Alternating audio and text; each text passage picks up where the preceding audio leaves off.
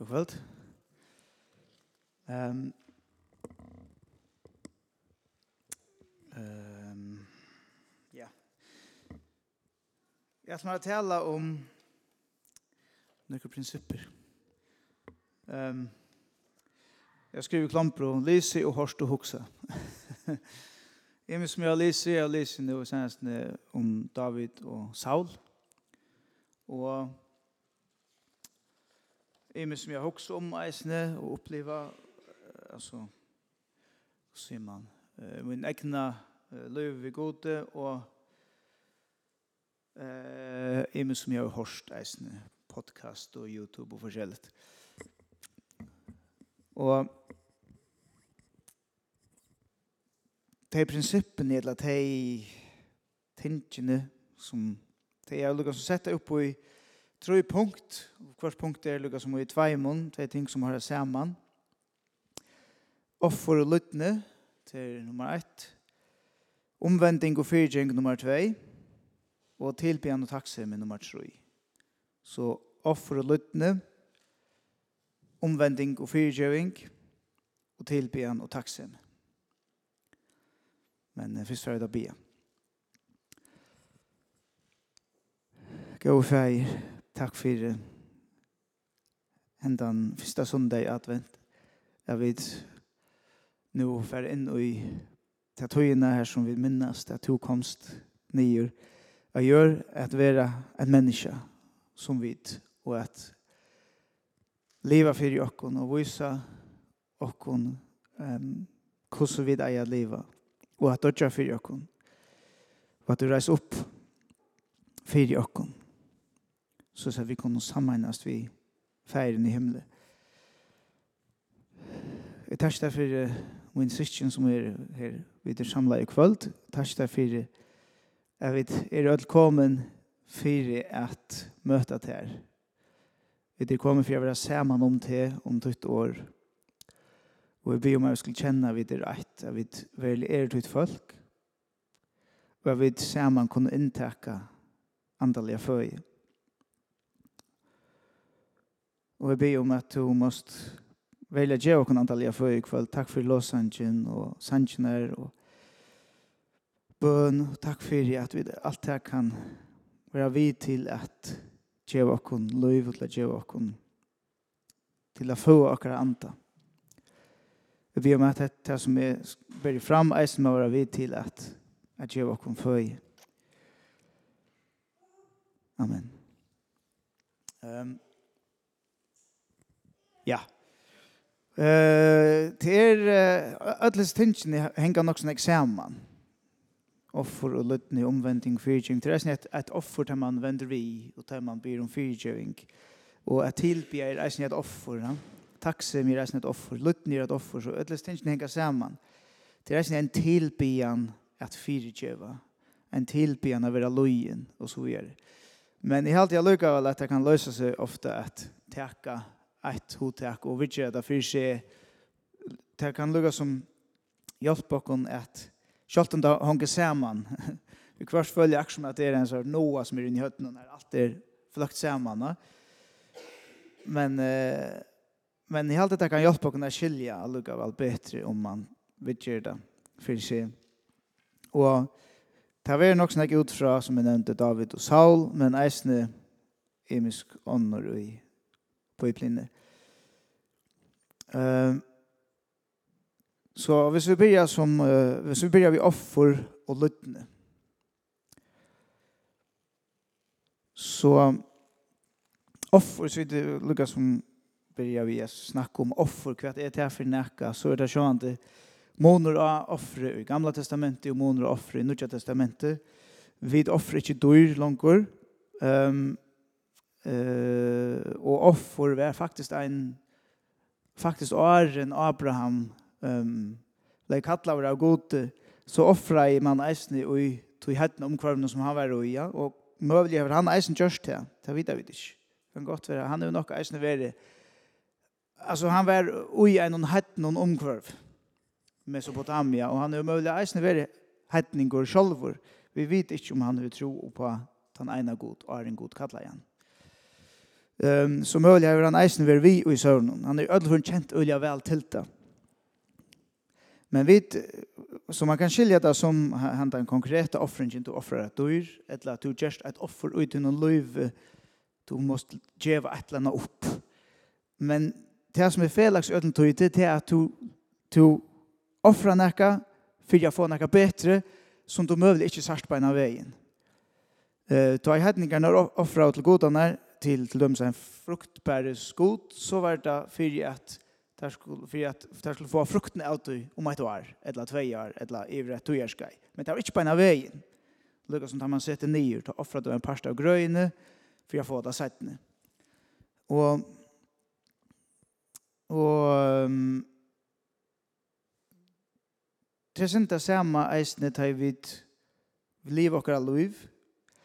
Um, ta i vid likva, så vill jag vid inte teka til offre, eller gjera til offre som det er, som det kan være å sige sannleikene.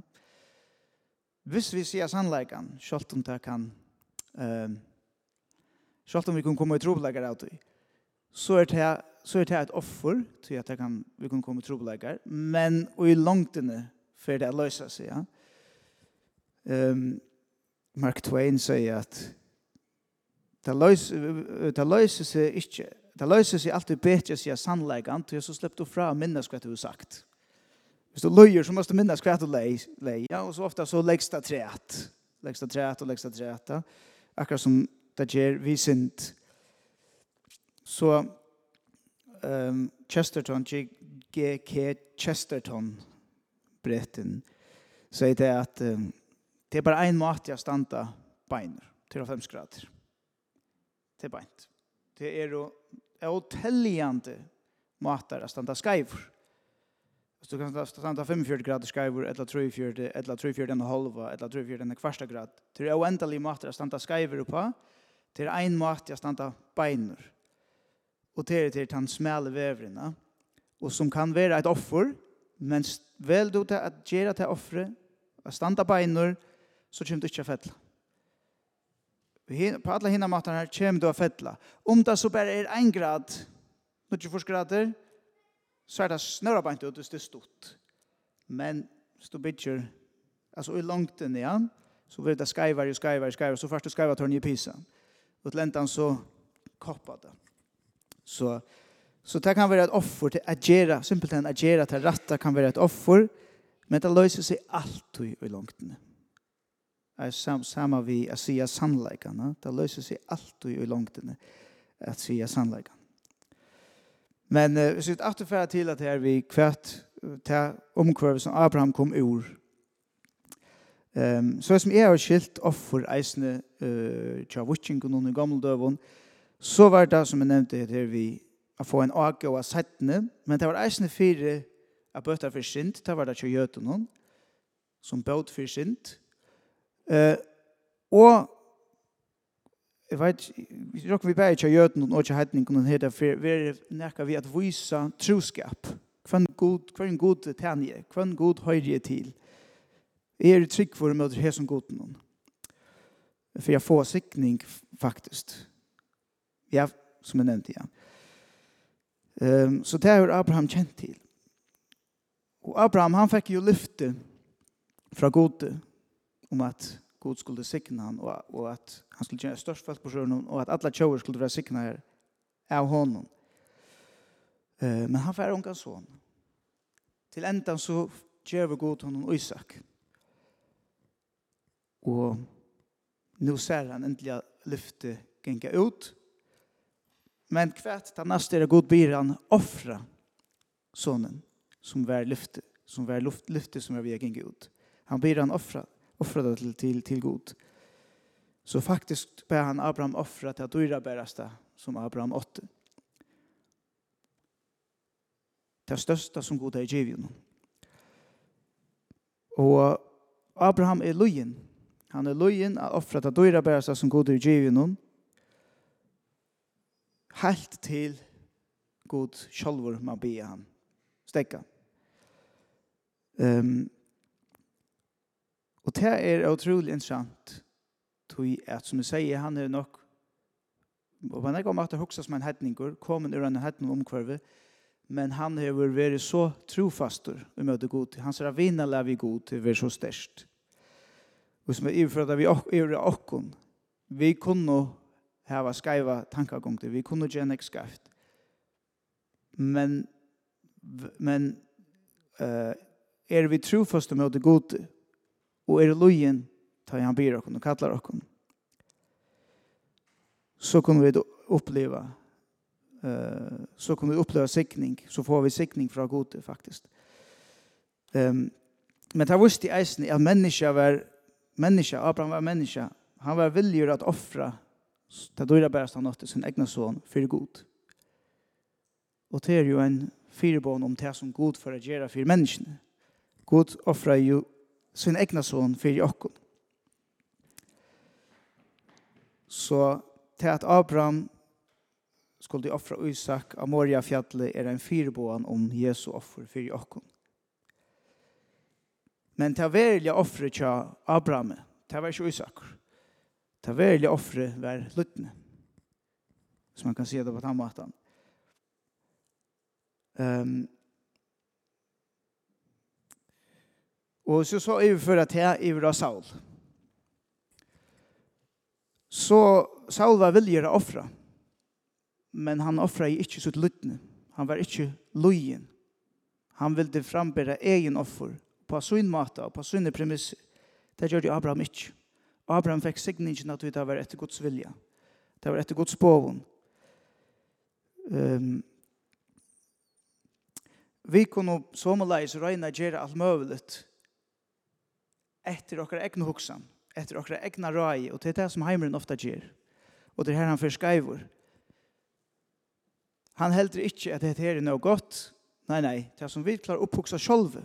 Og, man, og heimeren kan leggja, og vi sjolve i eisene, vi kan leggja øyla orsko i det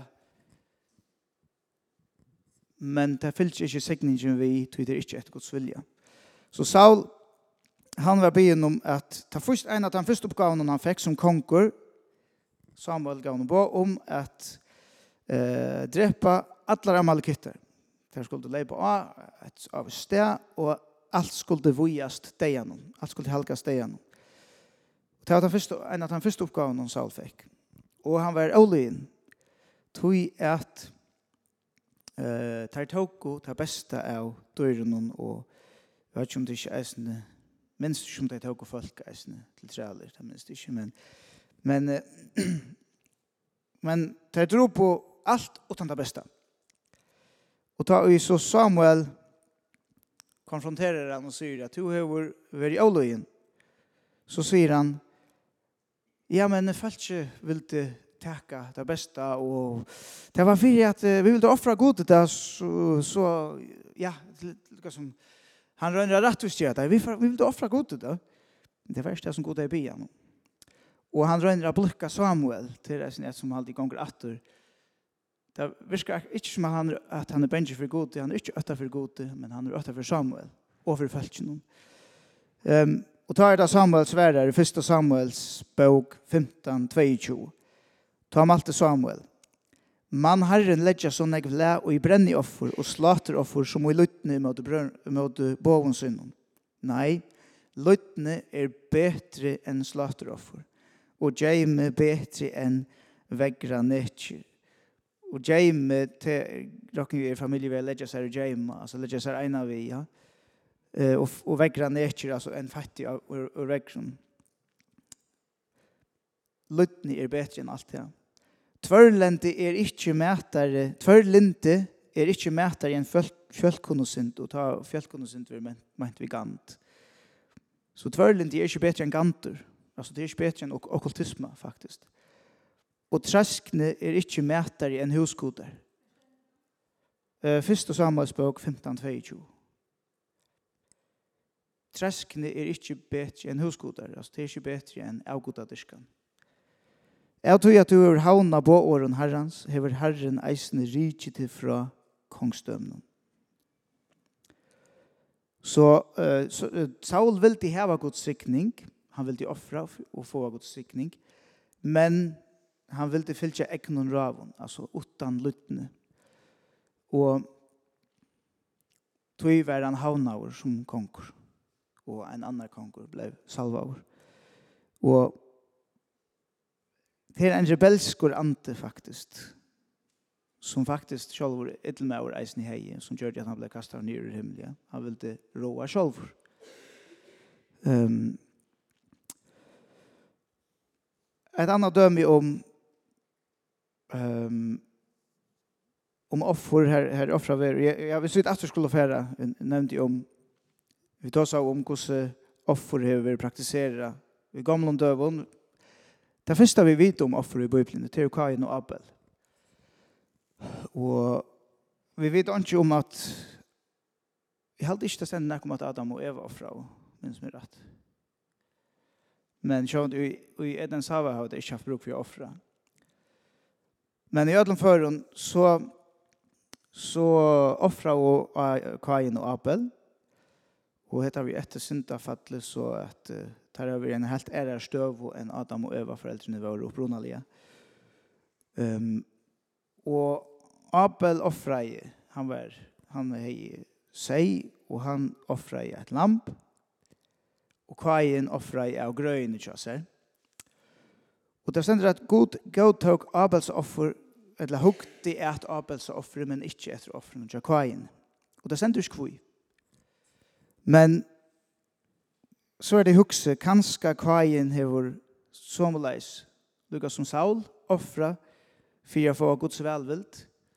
Han er offra for at, ja, tettjast gode, men han er korstene alltså han är inte offra så ett hjärta faktiskt. Det är det som Saul eisne. Man kan se om Saul eisne. Han offrar i eh Joel och forskjellet, men han gav inte god sitt lutne. Det samma vi kanske det var det samma vi kajen och te hans här handlingar att han kunde benta att det eisne. Tog i att han blev så ömsjukur i Abel att han drep han. Så det er første søskene vi vet om her var syskina drap. Um, og hetta minner eisne om Jesus. Tui at Abel hei eit eller anna korrande vi god. Gods hukte til hans offer. God gautok Abel og faktisk vi kjente ta som Abel gjørte. Altså Abel etnaist, onkurs vegna. Men her var okkur som ikkje var rett tja kvaien. Vi vet ikke hva det Eh, men han er åpenbart øyla latt til å bli barskur. Så han ble så barskur enn Abadjasun at han drepa han. Um, og ta Jesus, dette minner eisne, dette kan eisne iverførast av Jesus, Jesus var fullkommen. Han hei sannelig akkurat kvarant vi god i eisen, det var, her var ønskeslinger og valsen, han var fullkommen. Uh, han er alltid i samband vi god.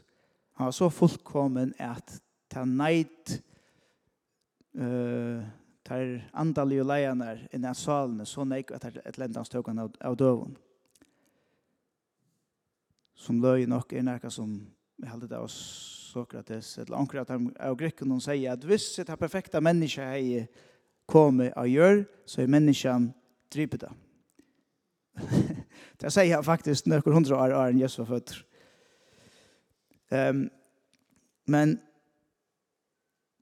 det som er sutt i tog er at anten kan du gledast om det som god gjør i løven og øren, og feknast om det, og røyna at gjør det samme, omkurs vekna. Ho, her som gjør okkur rett, er burde gjørst hatt det eisene. Altså fire mynter, ja. Uh, etla kanst du blåa barskur til at han etnast er misetnist. Så kanst du blåa barskur. Og det er fyrir ikke nekka godt vissere. Um, og sista enda kan det enda vi at man gjør skeia av onkran. Man gjør ødel for skeia av seg sjolvan. Onkran sier at det er som å drekka eitur og våna at det dreper han som man, man er barskur i nå. Ja? Så det gjør ikke nekka mening. Um, det samme henter i Tja Borstevista sonen og til eldre badjanene. Da han kommer atter til feiren og enkrar. Eh, da kan man si at han ber faktisk et offer framfor Gud som, er, som Gud hever tokka og ja, han, han, han nøyest at jeg må ikke se og at vi ikke engang synes synd, jeg har synda, kan stå fyrtje om meg. Og nå vil jeg atter være tjatt her, og jeg vil ikke fortsette å ut til syndia løvstøyden som jeg heier. Og det feknas papen om. Og er god feknas om tar vi tekar rattar avgjør, tar vi bera offer fram som er drav i hans vilja. Men det kjørte den eldre badgen ikke. Han var avundsjukker enn at han hendan fagna igjen om den bortvilsta sonen som var kommet atter. Offret tja til eldre badgen honom. Det er åtti at veri at vi virkjenne og gledast om den atterkomne badjan. Så, og ikke i stedet for jeg var øvnsjukker, at det er det samme, Kain var øvnsjukker enn Abel, han ble barskur. Eldre badjan var øvnsjukker enn Lutla badjan, og ble barskur. Og det var bare øvnsjukker, selv om det er helt imska støver, altså Abel, han etna just, yngre sonren, bortstøvelse sonren, han var missetna også men det var stadigvæk øvensjuka motvis teimen. Tog at jeg gjør det et eller annet rett og i tog støvende. Uh, og man kan kjenne det atter eisene og i imsom støvende samfellene at onkur etnast, onkur klarer det vel, så er det alltid onkur som skal se onkur negativt om det. er en fyr, at man at man vir som etter til og ser at her er kanskje nekka som andre burde lærst eisen, eller jeg burde lærst eisen. Ok, um, så er det omvending og fyrtjøving. Um, og her er det atter, her kommer atter øvensjuka uh, av banan. David og Saul, um, tror jeg at lukka som vi Abel og Kain, så var god vi Davide, men han, var, han er hauna Saul, han var færen fra Saul, til Saul var avløyen. Eh, og det gjør det så til, allt etnast av David, han drap Goliat, og, og det etnast øye vel, krutje, han krutje ut fyrir Saul, da byrja vi, inntil han måtte flutja undan Saul, til at Saul var så øvensjukur, og han blei pura paranoid lentans, og sier vi, Jonathan son jag säger så lunch som David är löve så är okkara kongshus i vanta. Så kvui eh kvui är det samma vi är som är som man. Ehm och där och Saul kommer faktiskt att minna mig om ena reis herrar sättne i sövn och eisen för i sövn ja. Där blir paranoid och och förfylja timon som tar sucha tar sucha som är vanta. Jag får det av vännen simpelthen. Og det er det som Saul Røyner gjøre vi, vi David. Um, og, og han forfylger honom, og, Saul, og David fyrgjøver honom, fer etter fer, og Saul byr om fyrgjøving, eisne, nekra ferer, en tvert utja ferer, byr han David om fyrgjøving, og sier at er for en skreivor, er skreft, og jeg skal långa til gjøre, gjøre der nekra mein attor, og Men at du virker det som at at det er bare for show eller så.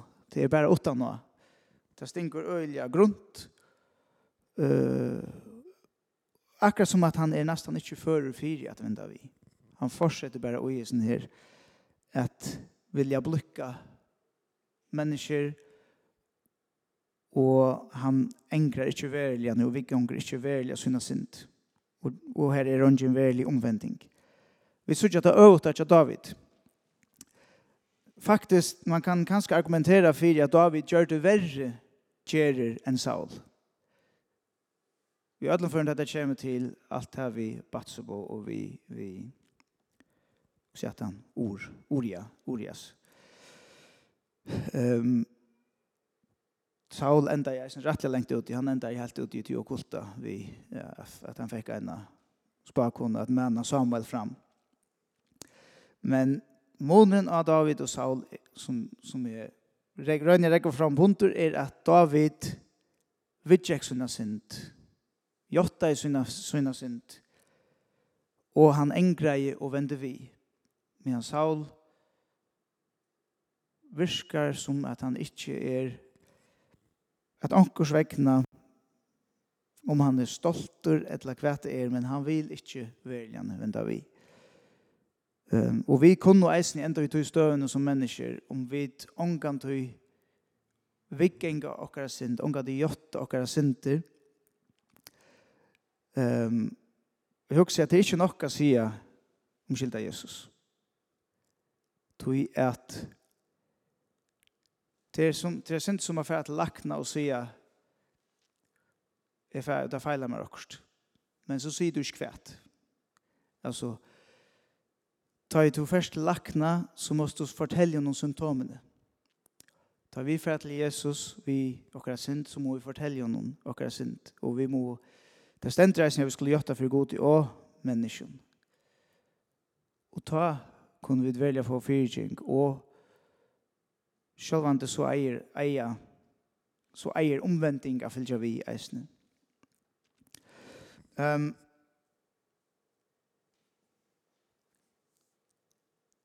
ja, og, og vi hava solmen, solmer 32, her og han tåsar om, ta og han bær hessa syndena, Arne han er jotta syndena som han er gjørst, møter Urias og Batsubo. Så skriver han, i Salme 32 fra vers 1. Sælur er han hvers misbrott er fyrirgjeve, give, hvers synd er kvitta. Sæler er med vår hvers synda sekt herren ei roknar. Og i hvers anta ikkje er svik, så hette tar kjenslene som han gjevor, ta gjerne vi finner fyrirgjeving. Den kjenslene som han sitter vid. Åh, den han sæla, det er fantastisk å være fyrirgjeven. Medan er takte, Tartust mine bein, altså åren er jotta i mine synd. Tartust mine bein av mine stinjan han loje lenga det. Og i tog tungt la amer hånd tog bei nått og det. Min løs alve tottna i opp som i brennande sommerhita, sela. Tui sei et her mina synd, og dulti ei misbrott mine. sei, for herran hon ville kjennast vi misgjere mine, og tu, tu fyrirgavs mer syndasekt mine, sela. Så han viser kontrasten hvordan han heida åren og hvordan han fekta attana. Og han måtte sjå det livet vi konsekvensen av sin handling. Men han har finnet sitt sin vidskifte vi god og rettelig atter.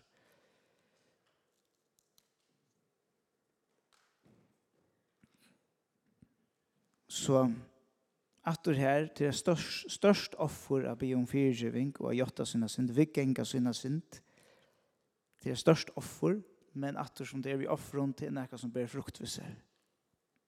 Sættene. Det er en eimujing.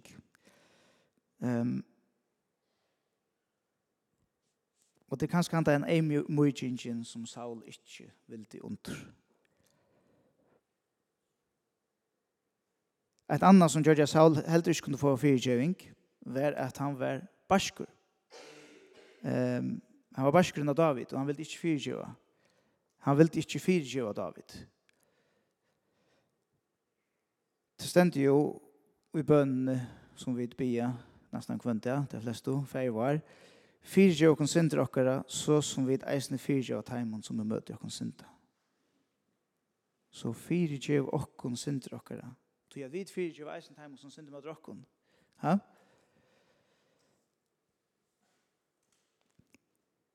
Jeg vet ikke om dette er en uh, allment galtande lov i Guds rydtje, at om vi ikke fyrtjøver, så vet ikke fyrtjøver selv, men det virker så.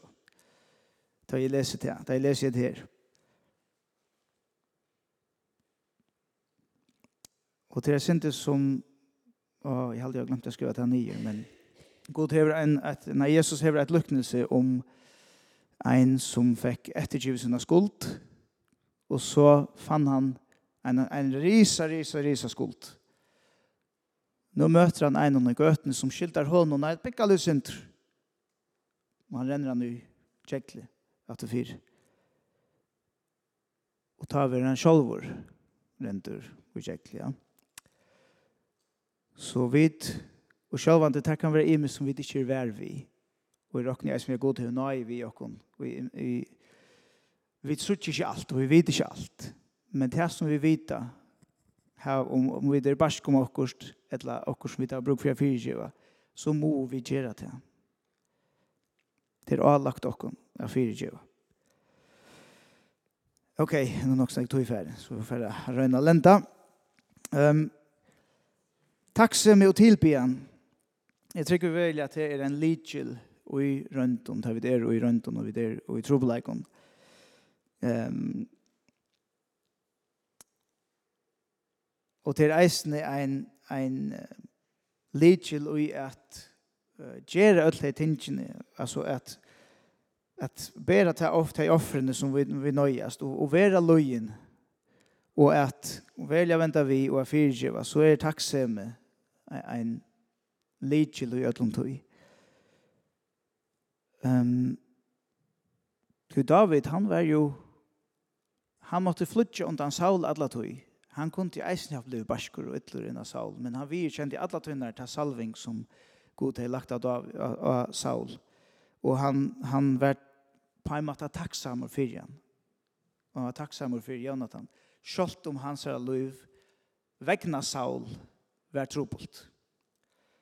Så man kan säga att tacksam var vi till att halta David uppe. Och trygg vi är sin tacksam i vill uppe, tar jag han anser att det säger någon av marskinen. Han er kanskje vært, helst vært, kanskje vært ensam atler, ta videre, vet ikke. Eh, kanskje vært ensam atler, og, dess, og, og han, um, han hever eisenskola, han er eisenskola finnes, finnes vi vanda Mitchell Jør,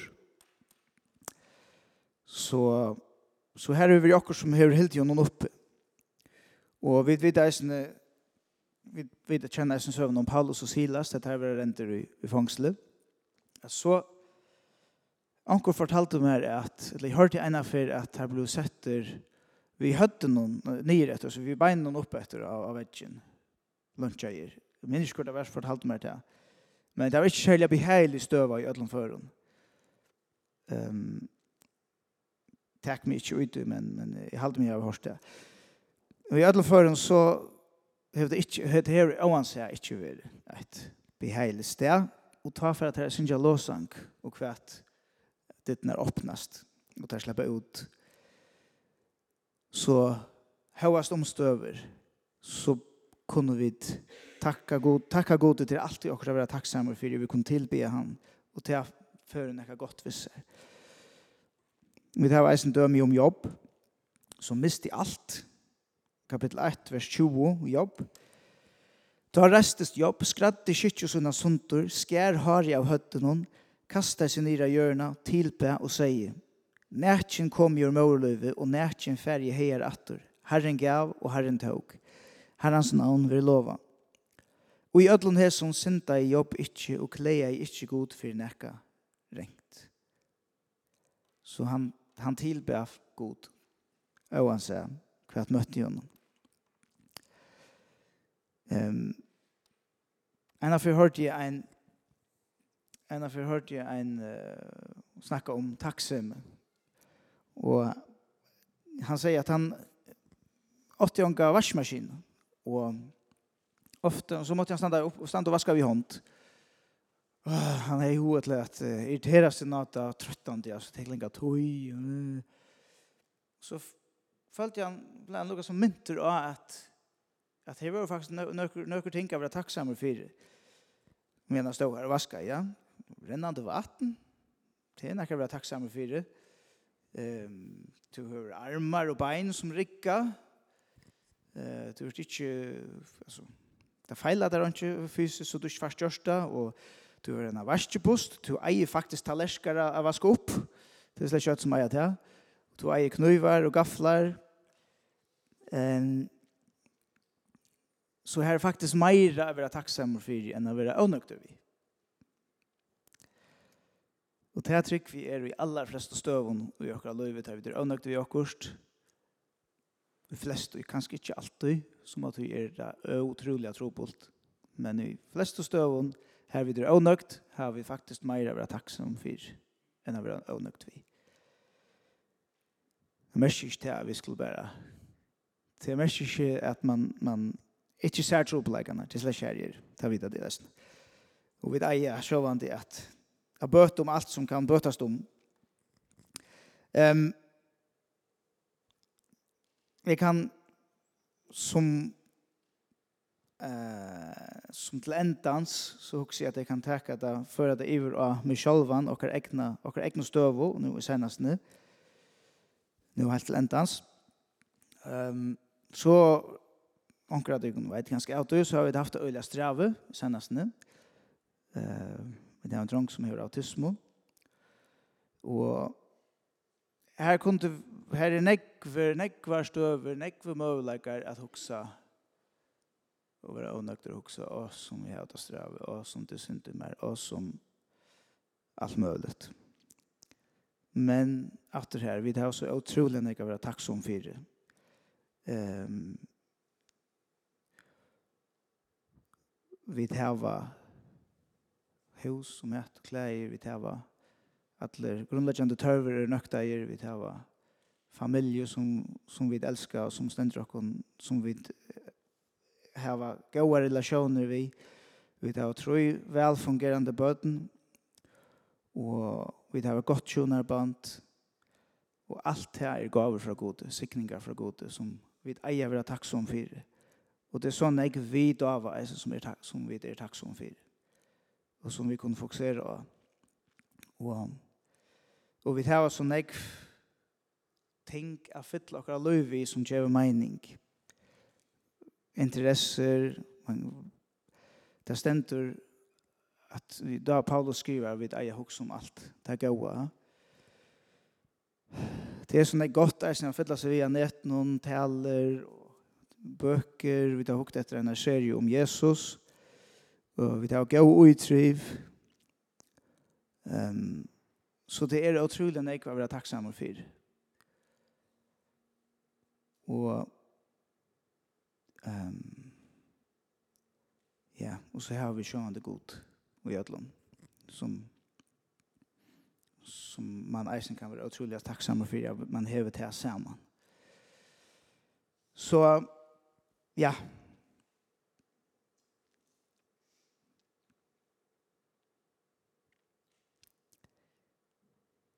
Jeg tror ikke jeg skal enda til.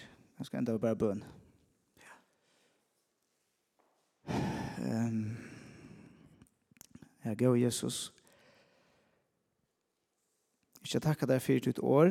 Ikke takk deg for alt det. Jeg skal takk deg for at ditt år er sannleik.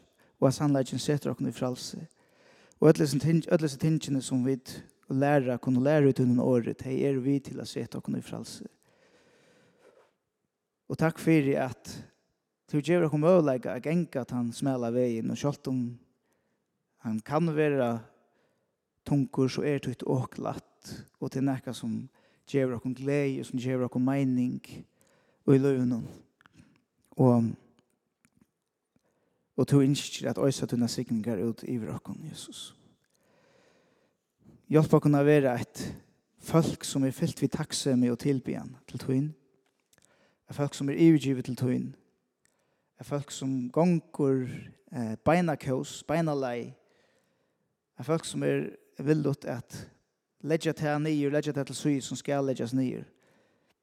Og, og til at, til at, for a loyen det til og til at elska og vi kjenner menneskene under om oss, og til å elske og vi kjenner de som standa og åtta, og til å lytte opp, og til å sikne, og til å stende her vid dere. Amen.